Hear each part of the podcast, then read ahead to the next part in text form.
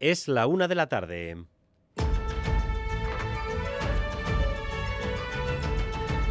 Crónica de Euskadi con Dani Álvarez. A Rachaldeón, el PSOE y Junts han alcanzado un acuerdo para la investidura y la nueva legislatura en las Cortes, después de muchos días de intriga. Un acuerdo que ambas partes consideran histórico. Pedro Sánchez, por tanto, volverá a ser el presidente del gobierno. Madrid y Sarobaza, Rachaldeón. A Rachaldeón vaya acuerdo histórico para resolver el conflicto en Cataluña. Así lo recoge el texto. Con el acuerdo cerrado y firmado, Sánchez ya tiene el sí de Junts para su investidura y su apoyo para la estabilidad de la legislatura. A cambio, los socialistas aceptarán la ley de amnistía que cubre a toda la gente relacionada con el proceso desde el 2014. El texto de la ley aún no se conoce. El resto de grupos tiene que revisarla y dar su visto bueno. La intención es registrar la ley cuanto antes para poder celebrar el pleno de investidura de Sánchez la semana que viene. La fecha podría anunciarla mañana mismo la presidenta de la Cámara.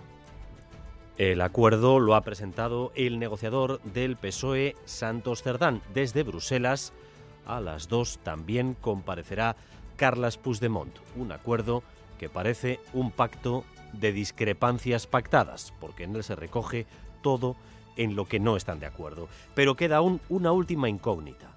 ¿Qué pasa entre el PNV y el PSOE? No han cerrado su pacto y fuentes del PNV repiten que de momento todas las opciones están abiertas. Al Navarro Santos Cerdán le han preguntado en su rueda de prensa, él, dicho, él ha dicho que confía en que haya acuerdo en breve. Respecto al PNV, pues yo tengo la confianza, estoy seguro que si no está cerrado estará a punto de cerrarse. Ha dicho eso, espera que en breve se cierre. La localidad de Zarauz se ha concentrado este mediodía para condenar el asesinato de Iván Iyarramendi a manos de Hamas y para compartir el dolor de la familia, que recibió ayer la confirmación del asesinato en circunstancias brutales tras un mes entero de incertidumbre. Desde Zarauz, Eder Menchaca, adelante. Sí, durante ese largo mes muchos vecinos nos han contado mantenían la esperanza. Hoy se ha rendido un emotivo homenaje en absoluto silencio en recuerdo de Iván Iyarramendi. Muchos de los aquí presentes conocían a sus allegados y se han acercado hoy aquí en solidaridad con ellos. También presente la representación del ayuntamiento, el alcalde Xavier Churruca ha condenado el ataque que causó la muerte de Iyarramendi y ha mostrado su pésame y solidaridad con familiares en nombre de todo el ayuntamiento. También hemos hablado con los zaraustarras aquí presentes. Ni pensar de que iban, iban a estar muertos. La esperanza era esa, que estuvieran secuestrados y que el gobierno vasco, el gobierno español hiciera algo y solían venir aquí a pasar el verano, generalmente. Sí, porque la esperanza es lo último que se pierde aquí, lo último. Ahora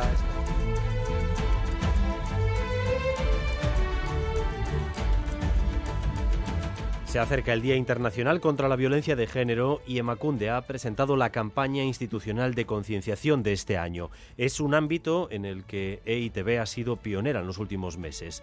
Prevenir la violencia contra las mujeres a través de uno de los primeros nichos donde se cultiva la desigualdad, los jóvenes y el porno. Natalia Serrano. Desde los 12 años sí, nuestros hijos consumen porno en sus móviles. El 82% de lo que ven no es sexo, es simplemente violencia. Así que ese porno violento y que cosifica a las mujeres se convierte en su libro de instrucciones. Ellos aprenden a dominar, ellas a someterse. El próximo 25 de noviembre es el Día Internacional para erradicar la violencia contra las mujeres. La campaña del Gobierno vasco en Macunde, Diputaciones, Eudel, va este año contra el porno. Hoy la han presentado sin necesidad de esperar a ese 25N para que todos, administración, familias, educadores, lo tengamos en cuenta. El porno se ha convertido en una escuela de violencia contra las mujeres. A través del porno que se consume mayoritariamente, ellos aprenden que deben dominar, ellas que se tienen que someter, hasta hacer cosas que no desean. Sin embargo, las personas adolescentes siguen accediendo y acudiendo a la pornografía. Es ahí donde el lema No dejemos la educación sexual en sus manos, este según sexu esiketa berescuetan utzi, cobra una importancia clave. Y en la sala Cubocucha de Donostia se inaugurará esta tarde una exposición de obras de Darío Urzay. Se van a mostrar creaciones suyas de los últimos 25 años, pinturas, fotografías, dibujos, impresiones y vídeos también que abordan aspectos centrales de su producción artista. Escuchamos al propio Darío Urzay.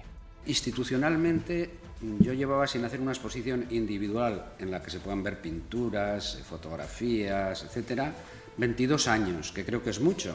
Todas estas piezas también para mí es como si hubiesen estado congeladas durante años y creo que ustedes deben descongelarlas. ¿eh? Su mirada tiene que descongelarlas.